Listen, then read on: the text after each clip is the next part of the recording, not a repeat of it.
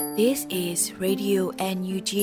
the voice of National Unity Government of Myanmar, broadcasting for Myanmar's Spring Revolution. Radio NUG is transmitting from shortwave 16 meter 17.79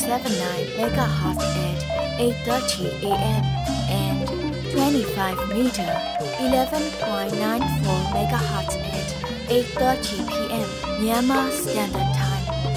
မင်္ဂလာပါရှင်။မြို့သားညီညွတ်ရေးအစိုးရရဲ့အတန်လွတ်ဌာန Radio NUG ကိုမန္တပိုင်း၈နိုင်ခွဲမှာလိုင်းတူ6မီတာ19.3ခုကုန်းမဂါဟတ်စ်နဲ့ညပိုင်း၈နိုင်ခွဲမှာလိုင်းတူ25မီတာ17.3ကိုလီမဂါဟတ်စ်တို့မှာဓာတ်ရိုက်ဖမ်းယူနားဆင်နိုင်ပါပြီရှင်။မင်္ဂလာအပေါင်းနဲ့ကြိုဆိုကြပါစို့။အခုချိန်ကစပြီး Radio NUG စီစဉ်လေးကိုဓာတ်ရိုက်အတန်နဲ့ပေးနေပါပြီ။ မြန်မာနိုင်ငံသူနိုင်ငံသားအပေါင်းတဘာဝပြီးဆရာနာရှင်မေးတော့နေကင်းဝေးပြီးကိုစိတ်နှပါကျမ်းမာလုံးခြုံပေးကင်းကြပါစေလို့ Radio UNG အဖွဲ့သူအဖွဲ့သားများကဆုတောင်းမေတ္တာပို့သလိုက်ပါတယ်ရှင်။အခုချိန်ကစပြီး Radio UNG ရဲ့နောက်ဆုံးရသတင်းများကိုຫນွေဦးမုံကဖတ်ကြားတင်ပြပေးပါမယ်ရှင်။မင်္ဂလာညချမ်းပါရှင်။ 2023ခုနှစ်အောက်တိုဘာလ2ရက်နေ့ Radio Energy ပြည်တွင်းသတင်းတွေကိုတင်ပြပေးသွားပါမယ်။ကျွန်မကတော့ຫນွေဦးမော်ပါ။နိုင်ငံတော်ယာယီသမရဒူဝါလက်ရှိလာမှာပြည်သူများထံသို့သတင်းစကားပြောကြားတဲ့အကြောင်းအရာကိုတင်ပြပေးပါမယ်။မြို့သားညီညွတ်ရေးအစိုးရ NUG နိုင်ငံတော်ယာယီသမရဒူဝါလက်ရှိလာမှာ2023ခုနှစ်အောက်တိုဘာလ2ရက်နေ့တွင်လူမှုကွန်ရက်စာမျက်နှာမှာတဆင့်ပြည်သူများထံသို့သတင်းစကားပါခဲ့ပါတယ်။ ကျွန်တော်တို့ဟာမျှော်လင့်ချက်အားလုံးကိုတစ်ချိန်နဲ့တစ်ပြိုင်နက်မဖြည့်ဆည်းပေးနိုင်ပေမဲ့ဆီယနာရှင်တော်လိုင်းမှာထပ်တိုးအောင်ပွဲရလက်တွေရအောင်ကြိုးစားနေပါတယ်လို့ဂျာယီသမရာကြီးက Facebook လူမှုကွန်ရက်စာမျက်နှာမှာတဆင့်ပြောကြားထားပါတယ်ရှင်။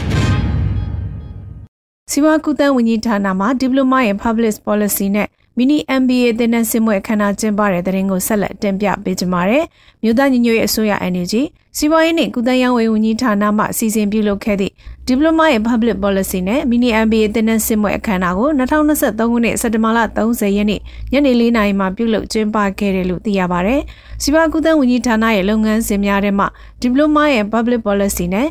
မီနီ MBA သင်တန်းကို2022ခုနှစ်နိုဝင်ဘာလ9ရက်နေ့နဲ့6ရက်နေ့မှာစတင်ဖွင့်လှစ်ဆောင်ရွက်ခဲ့ပြီးပတ်စဉ်စနေနေ့နဲ့တနင်္ဂနွေနေ့တိုင်းဖွင့်လှစ်ဆောင်ရွက်ခဲ့ရာ2023ခုနှစ်စက်တင်ဘာလ24ရက်နေ့မှာသင်တန်းများပြီးမြောက်ခဲ့တာဖြစ်ပါတယ်။ခန်းနာကိုမြို့သားညီညွတ်ရေးအစိုးရပြည်ထောင်စုဝန်ကြီးနဲ့ဒုတိယဝန်ကြီးများ CDM ဆက်ဆက်ကော်မတီမှတွဲဘက်အတည်မှုနဲ့တာဝန်ရှိသူများအမြဲတမ်းအတွင်းဝင်နဲ့အတွင်းဝင်များလွှတ်တော်ကိုယ်စားလှယ်များစီးပွားရေးတာဝန်ခံများသက်ဆိုင်ရာဌာနများမှတာဝန်ရှိသူများ တင်နန်းသူတင်နန်းသားများပါဝင်တက်ရောက်ခဲ့ကြပါတယ်။တင်နန်းစင်းပွဲမှာစီးပွားရေးနဲ့ကုသရေးဝန်ကြီးဌာနပြည်ထောင်စုဝန်ကြီးဒေါက်ခင်မမမျိုးပညာရေးဝန်ကြီးဌာနဒုတိယဝန်ကြီးဦးဆိုင်ခိုင်မျိုးထွန်း CDM ဆက်ဆက်ကော်မတီတွဲဘက်ဒီယမှုဒေါက်တာအုတ်ကာနဲ့ပြည်ထောင်စုဝန်ကြီးချုပ်ရုံအမြဲတမ်းတွဝင်တော်ကြည်ပြတို့ကဂုဏ်ယူဝဲမြောက်ရပါကြောင်းနဲ့အားပေးစကားများအသီးသီးပြောကြားခဲ့ပါတယ်။ဆက်လက်ပြီး MIECI နဲ့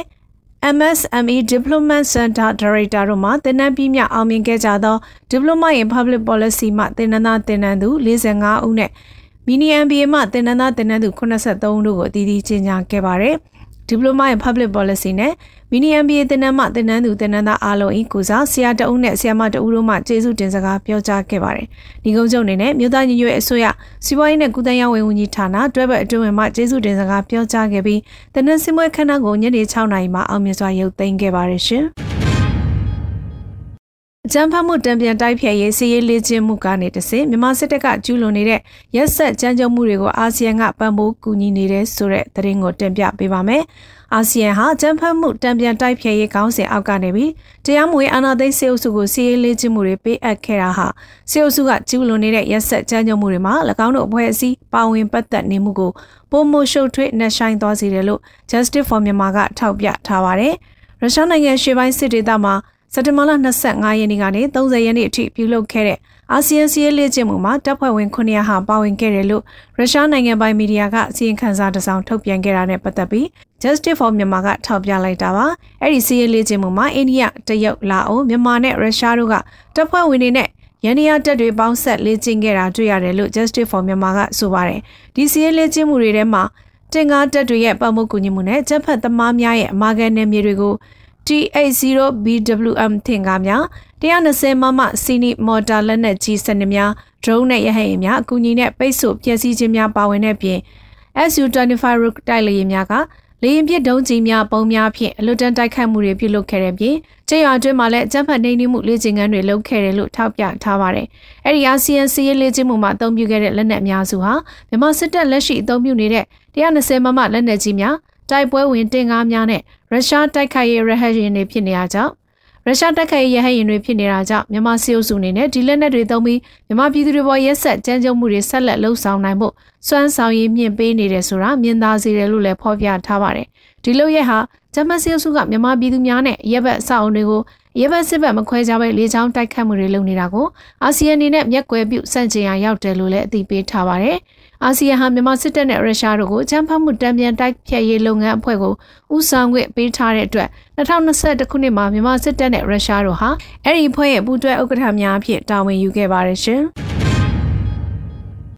မိုင်းအန်ဒီရောကြနိုင်ရတဲ့မြေမြုံမိုင်းနဲ့ပောက်ကွဲစေတဲ့ဒေါ်လာနှများဆိုင်ရာတင်နက်တရဲ့ MOWICA ပြုလုပ်တဲ့တဲ့ရင်ကိုတင်ပြပေးပါအောင်မယ်။ မြို့သားညီညွတ်ရေးအစိုးရမြို့သမီးလူငန်းနဲ့ကလေးငယ်ရေးဝန်ကြီးဌာနမှပြည်ပခကာလာတွင်မိုင်းအန်ရရောကြရေးနဲ့မိုင်းအန်ရဆိုင်ရာဗဟုသုတရှိရေးအတွက်မြေမြုံမိုင်းနဲ့ပောက်ကွဲစေတဲ့တော်လက်နက်များဆိုင်ရာတင်နက်ရဲ့အကျဉ်းပပေးခဲ့တယ်လို့သိရပါတယ်။စက်တင်ဘာလ29ရက်နေ့ကပြုလုပ်ခဲ့တဲ့အဆိုပါတင်နက်ကိုမြို့သားညီညွတ်ရေးအစိုးရမြို့သမီးလူငန်းနဲ့ကလေးငယ်ရေးဝန်ကြီးဌာန၏ကြီးကြပ်မှုနှီးနွယ်ဖွဲ့စည်းများနဲ့မြို့နယ် MOWIC ၏ပတ်မမှုဖြင့် မြေပြင်တွင်တာဝန်ထမ်းဆောင်နေသောဝန်ထမ်းများကိုမိုင်းအန်ရဆိုင်ရာဗဟုသုတရှိရေးအတွက်သင်တန်းပေးခဲ့တာဖြစ်ပါတယ်။မကြာသေးမီကထုတ်ပြန်ထားတဲ့ UNICEF စီရင်ခံစာအရ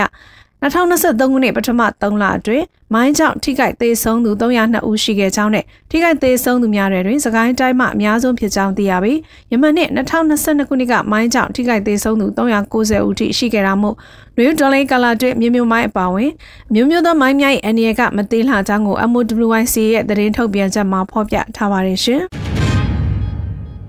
ပလန်နယ်ပြူစောတီရွာမှထွက်ပြေးလို့သည်မိသားစုများကိုကဲထုတ်နိုင်ခဲ့တဲ့ဆိုတဲ့သတင်းကိုလည်းတင်ပြပေးပါမယ်။စကိုင်းတိုင်းပလန်မြို့နယ်ကမာဂန်ပြူစောတီရွာဖြစ်သောဇီးပြူကုန်းကျေးရွာကနေထွက်ပြေးတိမ်းရှောင်လို့တဲ့အိမ်နောက်စု၃စုကမိသားစုဝင်ရှိဦးကိုကဲထုတ်နိုင်ခဲ့တယ်လို့ ABS ရဲ့ Collins Street ကအသိပေးပြောဆိုထားပါတယ်။ဂျမစစ်တပ်နဲ့ပြူစောတီတွေပူးပေါင်းတက်ဆွဲထားတဲ့ဇီးပြူကုန်းကျေးရွာမှာဆက်မနေနိုင်တော့တာကြောင့်လာရောက်ခေါ်ဆောင်ပေးဖို့ဆက်သွဲလာတဲ့အတွက် စက်တင်ဘာလ25ရက်နေ့မှာတွားရောက်ကဲထုတ်ခဲ့တာလို့ဆိုပါတယ်။ပလဲနယ်ဘက်ကိုစက်တင်ဘာလ9ရက်နေ့ကနေ29ရက်နေ့ထိခမရ93တက်ကစစ်ကြောင်းထုတ်လာခဲ့ပြီးနောက်အဲ့ဒီမိသားစုဟာပြူရချင်းထားတဲ့ယောဂကနေထွက်ပြေးလို့တာကြောင့်ခုလိုဆက်သွယ်လာတာလို့လည်းသိရပါတယ်။ထွက်ပြေးလာတဲ့မိသားစုတွေထဲမှာသက်9နှစ်ယောက်ကလေး3ပါဝင်ပြီးလက်ရှိမှာတော့ပလဲမြို့နယ်ပြည်သူ့အုပ်ချုပ်ရေးအဖွဲ့ကစောင့်ရှောက်ထားပါတယ်။အဲ့ဒီမိသားစုတွေကိုရင်းမမင်ခရိုင် PDF တရင်တုံနဲ့တရင်19တို့ကတွားရောက်ကဲထုတ်ခဲ့တာပါ ပြူစောတီတွေကတော့ရွာကထပ်ပြေးတဲ့သူတွေကိုကာကွယ်အဖွဲ့တွေကထောင်ချတာတပ်ပစ်တာတွေလုပ်တယ်ဆိုပြီးကြေးရွာနေပြည်သူတွေကိုချင်းချောက်ပြောဆိုထားတယ်လို့လည်းသိရပါတယ်ရှင်။ညောင်လေးပင်နဲ့ပစုံမြောင်းကျေးရွာမှာဖြစ်ခဲ့တဲ့တိုက်ပွဲမှာစစ်ကောင်စီဘက်က15ဦးသေဆုံးပြီးတနက်တလက်သိမ်းဆဲရမိတဲ့တဲ့ရင်ကိုလည်းတင်ပြပေးပါမယ်။ပဲခူးတိုင်းညောင်လေးပင်တွေကပစုံမြောင်းကျေးရွာမှာမနေ့ကအော်တိုဘာလ၁ရက်နေ့ကဖြစ်ခဲ့တဲ့တိုက်ပွဲမှာစစ်တပ်ဘက်က15ဦးသေဆုံးသွားတယ်လို့ Supreme Warrior Column ကဒီကနေ့မှထုတ်ပြန်လာပါတယ်။ ပစုံမြောင်းကျွော်မှာမနေ့ကမနက်7:00နာရီလောက်ကဂျမစစ်တပ်နဲ့ Supreme Warrior Column PDM တရင်303နဲ့ Ryan Peacock Column တို့ပါဝင်တဲ့ပူးပေါင်းဖွဲ့တို့ဟာတိုက်ပွဲဖြစ်ပွားခဲ့တာဖြစ်ပါတယ်။အဲ့ဒီတိုက်ပွဲမှာအရာရှိပါဝင်စစ်သား10ဦးလောက်ဒဏ်ရာရသွားခဲ့တယ်လို့လည်းသိရပါတယ်။တိုက်ပွဲပြီးချိန်နမျက်ရှင်းလင်းလောက်ချိန်မှာစစ်သားလောင်းတစ်လောင်းနဲ့တနက်တလက်ရရှိခဲ့တဲ့ပြင်စစ်တပ်ပိုင်းဘဟိုတစီကိုလည်းမိရှို့ဖျက်ဆီးခဲ့တယ်လို့အသိပေးထားပါတယ်။ပစုံမြောင်းကျေးရွာမှာစက်တင်ဘာ29နဲ့29မှာဖြစ်ခဲ့တဲ့တိုက်ပွဲတွေမှာလည်းဂျမတ်စစ်တပ်ဘက်ကအထိနာခဲ့ပြီးအထိခိုက်သေးဆုံးမှုတွေလည်းရှိခဲ့ပါတယ်ရှင်။ Federal Sprint Federal စမ်းရည်စီမံကိန်းမြေကွက်များအောက်တိုဘာ9ရက်နေ့မှာစတင်ရောင်းချမယ်ဆိုတဲ့သတင်းကိုလည်းတင်ပြပေးကြပါမယ်။ The Anno Data Share EOD ရဲ့အစီအစဉ်တစ်ခုဖြစ်တဲ့ Federal Sprint Federal စမ်းရည်စီမံကိန်းမြေကွက်များကို2023ခုနှစ်အောက်တိုဘာလ9ရက်နေ့မှာစတင်ရောင်းချမယ်လို့သိရပါတယ်။၎င်းစီမံကိန်းမှာပြူးလီမြို့မန္တလေးလားရှိုးလမ်းမကြီးမြောက်ဘက်ရှိတမတော်နည်းပညာတက္ကသိုလ်နေရှိအကျမ်းဖတ်စစ်တပ်ပိုင်းမြေကိုဥပဒေနဲ့ညီသိမ်းယူပြီးဧက300ခန့်အားစီးပွားရေးလုပ်ငန်းသုံးတဲ့လူနေအိမ်ယာမြေများဖော်ထုတ်မဲ့စီမံကိန်းဖြစ်ပါတယ်။ ဒေါ်လိန်ကာလာတွင်ကနဦးပေးသွင်းငွေ40ရာခိုင်နှုန်းကိုပေးသွင်းထနိုင်ပြီး3လအတွင်း3ချိန်အထိရစ်ကျငွေပေးချေနိုင်ကကနဦးပိုင်ဆိုင်မှုထောက်ထားဖြင့်အာမခံစာချုပ်ထုတ်ပေးမှာဖြစ်ပါတယ်။ကျန်60ရာခိုင်နှုန်းကိုဒေါ်လိန်ပြီးစီမံကိန်းစတင်အကောင့်ထပ်ပေါ်ဆောင်ရွက်ချိန်မှာပေးသွင်းနိုင်ပြီးပြည်ရင်းပြည်ပဘဏ်များနဲ့ချိတ်ဆက်ပြီး9နှစ်10နှစ် နှစ်20စသဖြင့်အတုံးနှုံသက်သာစွာအရေးကြပေးသွင်းနိုင်ရန်စီစဉ်ပေးမယ်လို့လည်းသိရပါတယ်။စီမံကိန်းမြေကွက်များကိုမြန်မာနိုင်ငံသားများမဟုတ်သည့်နိုင်ငံသားသားများလည်းဝယ်ယူနိုင်ကြောင်းနဲ့နိုင်ငံသားမြေပိုင်ဆိုင်မှုအာမခံသည့်တည်တဲ့အမိန့်ဒီဂရီဥပဒေများပြဋ္ဌာန်းဆောင်ရွက်ပေးသွားမယ်လို့သိရပါတယ်။ကြောင်းကြောင်းကြောင့်စီမံကိန်းဖော်ဆောင်ပေးနိုင်ခြင်းမရှိခဲ့ပါကနေနာပြည်သူများအားခေတ်ကာလတံမိုးသူသို့မဟုတ်တံမိုးသားမြေကွက်ဖြင့်အစားထိုးပေးအပ်မည်ဖြစ်ကြောင်းကိုလည်း EOD ရဲ့သတင်းထုတ်ပြန်ချက်မှာဖော်ပြထားပါတယ်ရှင်။ ခုတင်ပြခဲ့တဲ့သတင်းတွေကို Radio Energy သတင်းတောက်ကိုခန့်နဲ့မင်းစစ်သွေးတို့မှပေးပို့ထားတာဖြစ်ပါတယ်ရှင်။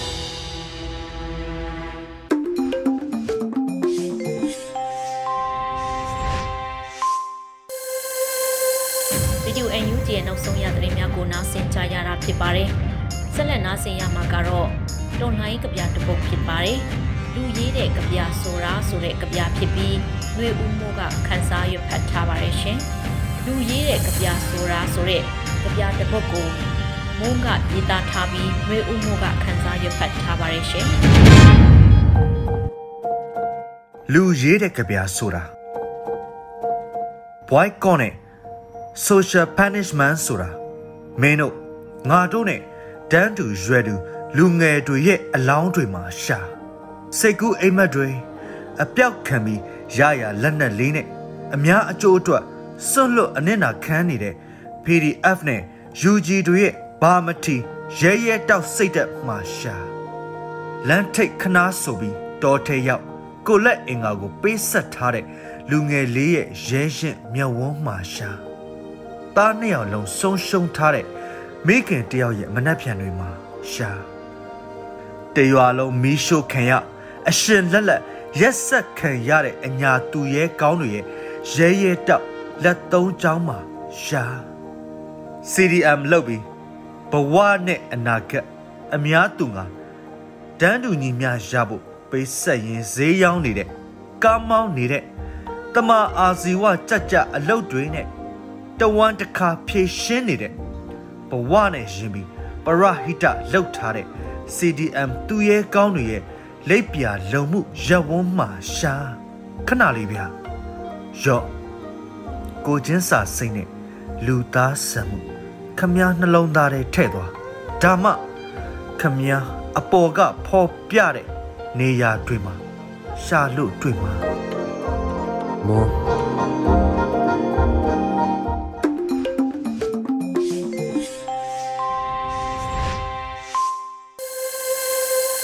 ရေဒီယို UNG မှာဆက်လက်တန်လှည့်ပေးနေပါတယ်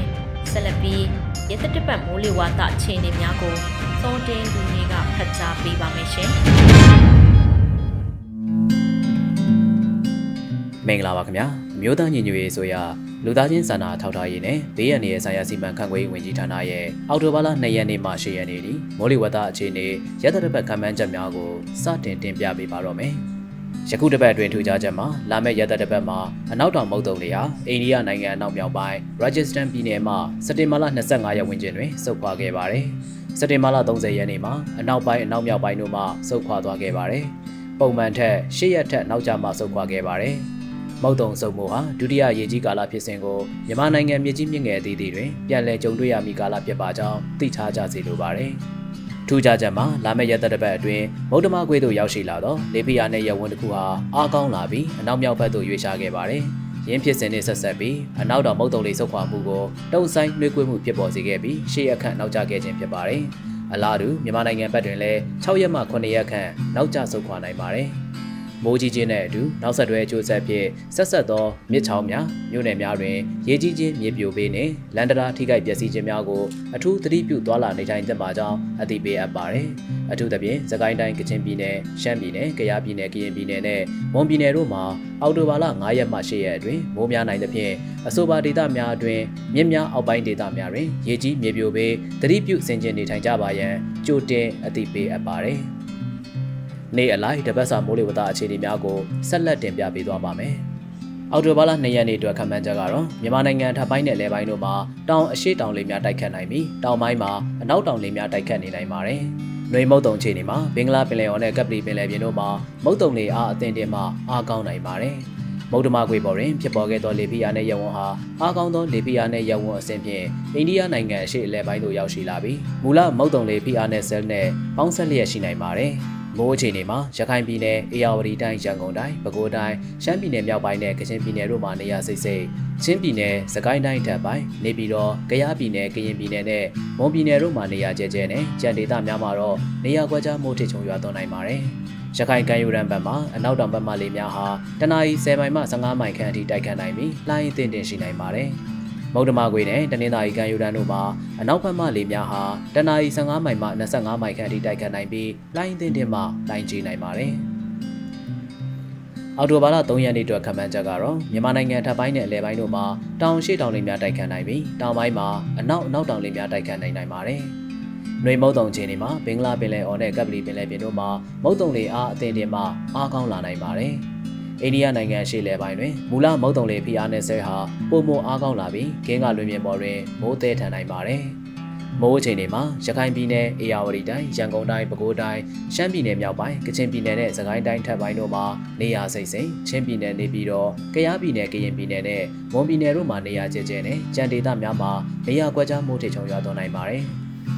ရခိုင်ကမ်းရိုးတန်းဘက်မှာအနောက်တောင်ဘက်မှလေများဟာတနအီ10မိုင်မှ15မိုင်ခန့်ထိတိုက်ခတ်နိုင်ပြီးလှိုင်းအသင့်တင်ရှိနိုင်ပါတယ်။မုတ်တမကွေနဲ့ရခိုင်ကမ်းရိုးတန်းတို့မှာအနောက်ဘက်မှလေများဟာတနအီ10မိုင်မှ15မိုင်ခန့်အထိတိုက်ခတ်နိုင်ပြီးလှိုင်းအသင့်တင်ရှိနိုင်ပါတယ်။အော်တိုဘာလ၄ရက်နေ့အတွက်ခန့်မှန်းချက်များကတော့မြန်မာနိုင်ငံထပ်ပိုင်းနဲ့အလဲပိုင်းတို့မှာတောင်အနောက်တောင်လေများတိုက်ခတ်နိုင်ပြီးတောင်ပိုင်းမှာအနောက်အနောက်တောင်လေများတိုက်ခတ်နေနိုင်ပါတယ်။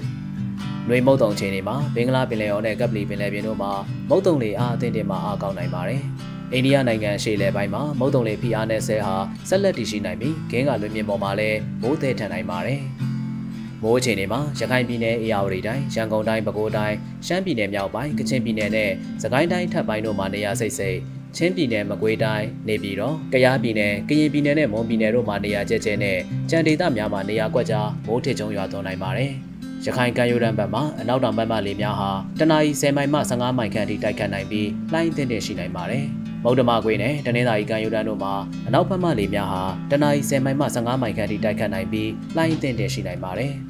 ။အောက်တိုဘာလ9ရက်နေ့အတွက်ခန့်မှန်းချက်များကတော့မြန်မာနိုင်ငံထပ်ပိုင်းနဲ့အလဲပိုင်းတို့မှာတောင်အနောက်တောင်လေများတိုက်ခတ်နိုင်ပြီးတောင်ပိုင်းမှာအနောက်အနောက်တောင်လေများတိုက်ခတ်နေနိုင်ပါတယ်။ຫນွေမုတ်တုံချိန်တွေမှာဘင်္ဂလားပင်လယ်အော်နဲ့ကပ်ပလီပင်လယ်ပြင်တို့မှာမုတ်တုံလေအားအသင့်တင်မှာအားကောင်းနိုင်ပါတယ်။ အိန္ဒိယနိုင်ငံရှေ့လယ်ပိုင်းမှာမုတ်တုံလေဖိအားနဲ့ဆဲဟာဆက်လက်တည်ရှိနေပြီးဂင်းကလွင်မြေပေါ်တွင်မိုးသည်ထန်နိုင်ပါတယ်။မိုးအခြေအနေမှာရခိုင်ပြည်နယ်ရန်ကုန်တိုင်းပဲခူးတိုင်းရှမ်းပြည်နယ်မြောက်ပိုင်းကချင်ပြည်နယ်နဲ့စကိုင်းတိုင်းထပ်ပိုင်းတို့မှာနေရာစိတ်စိတ်အေရဝတီတိုင်းချင်းပြည်နယ်မကွေးတိုင်းနေပြီးတော့ကယားပြည်နယ်ကရင်ပြည်နယ်နဲ့မွန်ပြည်နယ်တို့မှာနေရာကျဲကျဲနဲ့ကြံဒေသများမှာနေရာကွက်ကြားမိုးထစ်ချုံရွာသွန်းနိုင်ပါတယ်။ကချင်ပြည်နယ်နဲ့စကိုင်းတိုင်းထပ်ပိုင်းတို့မှာတော့နေရာကွက်၍မိုးကြီးနိုင်ပါတယ်။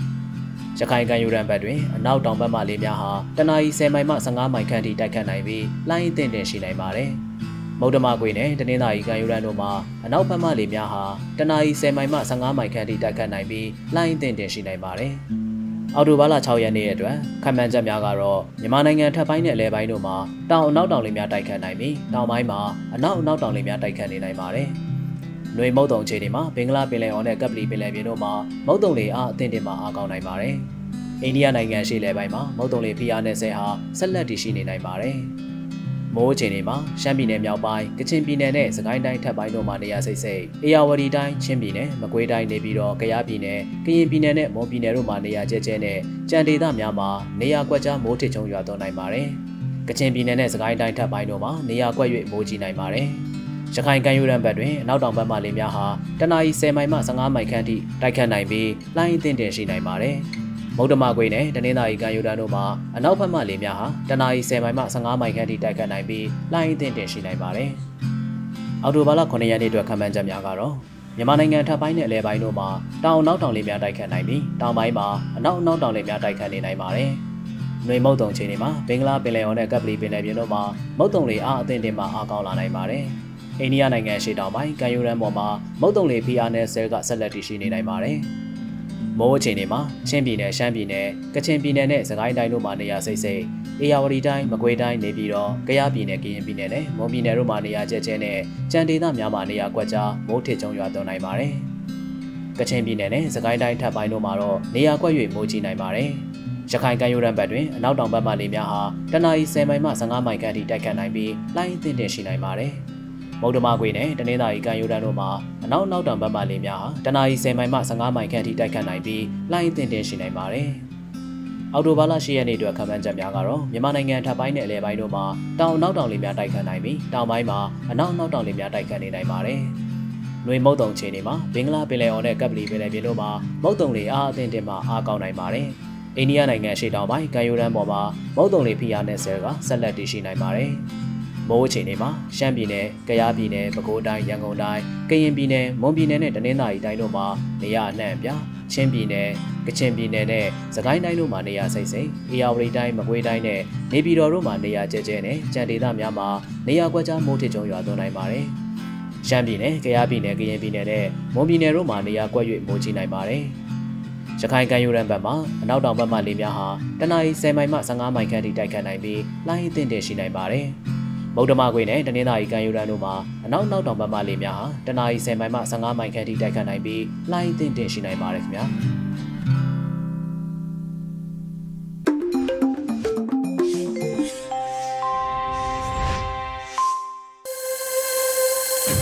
ဆက်လက်ပြီး Radio UNG ရဲ့တွန်လှိုင်းတေဂီတာစီစဉ်ကနေလွမ်းသူလူငယ်ဆိုတဲ့ဒေသချင်းကို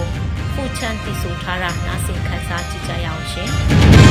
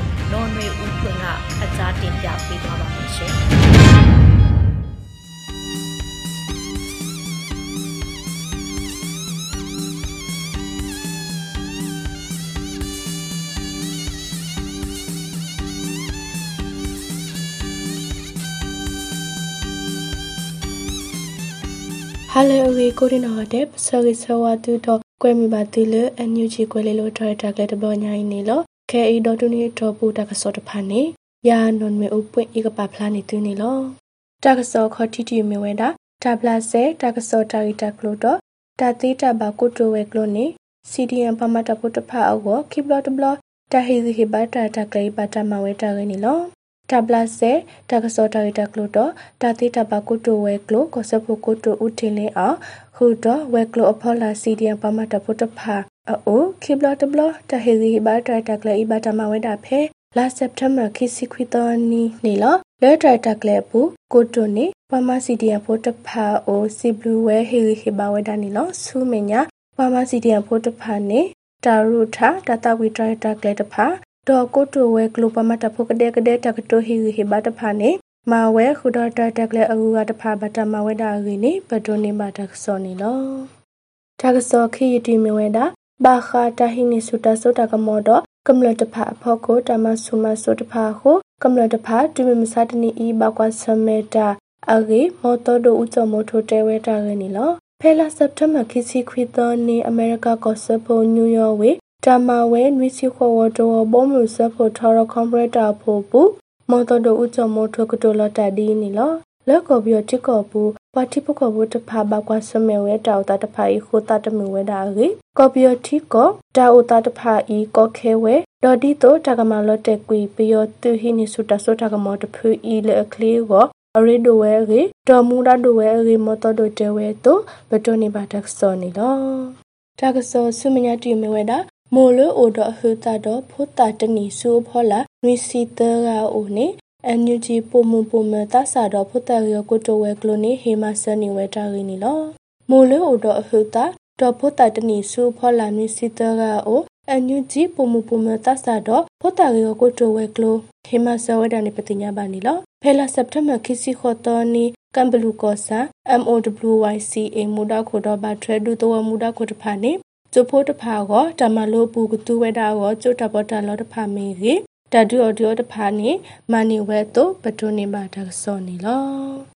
တကစောလခိတတိမီဝဲတာမြေမှုဝေပယောတုကောကကရတဖာဥတာလောတဖာနေ Federal Wings. Drone ကရတဖာပါဖို့တာတော့လက်ဒုနေဝဲတာရင်းနီလောဖဲလာစက်တမ်ဘာခစီခေါ်တော်နီဟာကတော့မြေမှုဝေပယောတုကောကကရတဖာဥတာလောတဖာနေ Federal Wings. Drone ကရတဖာလက်ဒုနေဝဲတာနီလော ဒေါ်တာဘဒိုဘတီတခေါ်တာတမီတမဝဲအဖက်မှုကေဖက်ဒရယ်ဝင်းစတွန်ကရတဲဝဒန်နော်ဒေါ်လာတာဘဖိုတာတော့ဒါလက်ဒူဒါဘလအီကရခေါ်ဖူလအမေတကထိုးခေါ်ကရတတူရေတူဖာဒီတစကိုင်းကော်ဒိုလောကော Federal Wings ခီစကိုင်းကော်ရေပကဖတ်တ GTR မြေမူလူမော်ရွာကော်ရေတွန်ကရရ SAF ချိုဖိုကရခုကြောက်ဆက်ကော်ရီတူရီတနကနီနွီကြောက်ဆက်ကော်ရီဒရောကရခေါ် lightning drone focus တဖာရင်းနေဘဒုနေပါတကစောနေလောတော်တနွေတော်ပူတကစောလေးပဖတ်နေသူတဖိုင်ဝိတာဖိနေလောဘဒုကနာတာဖိုကိုဒီနောကတဲ့မောတိပါမှုထဘုန်တကေ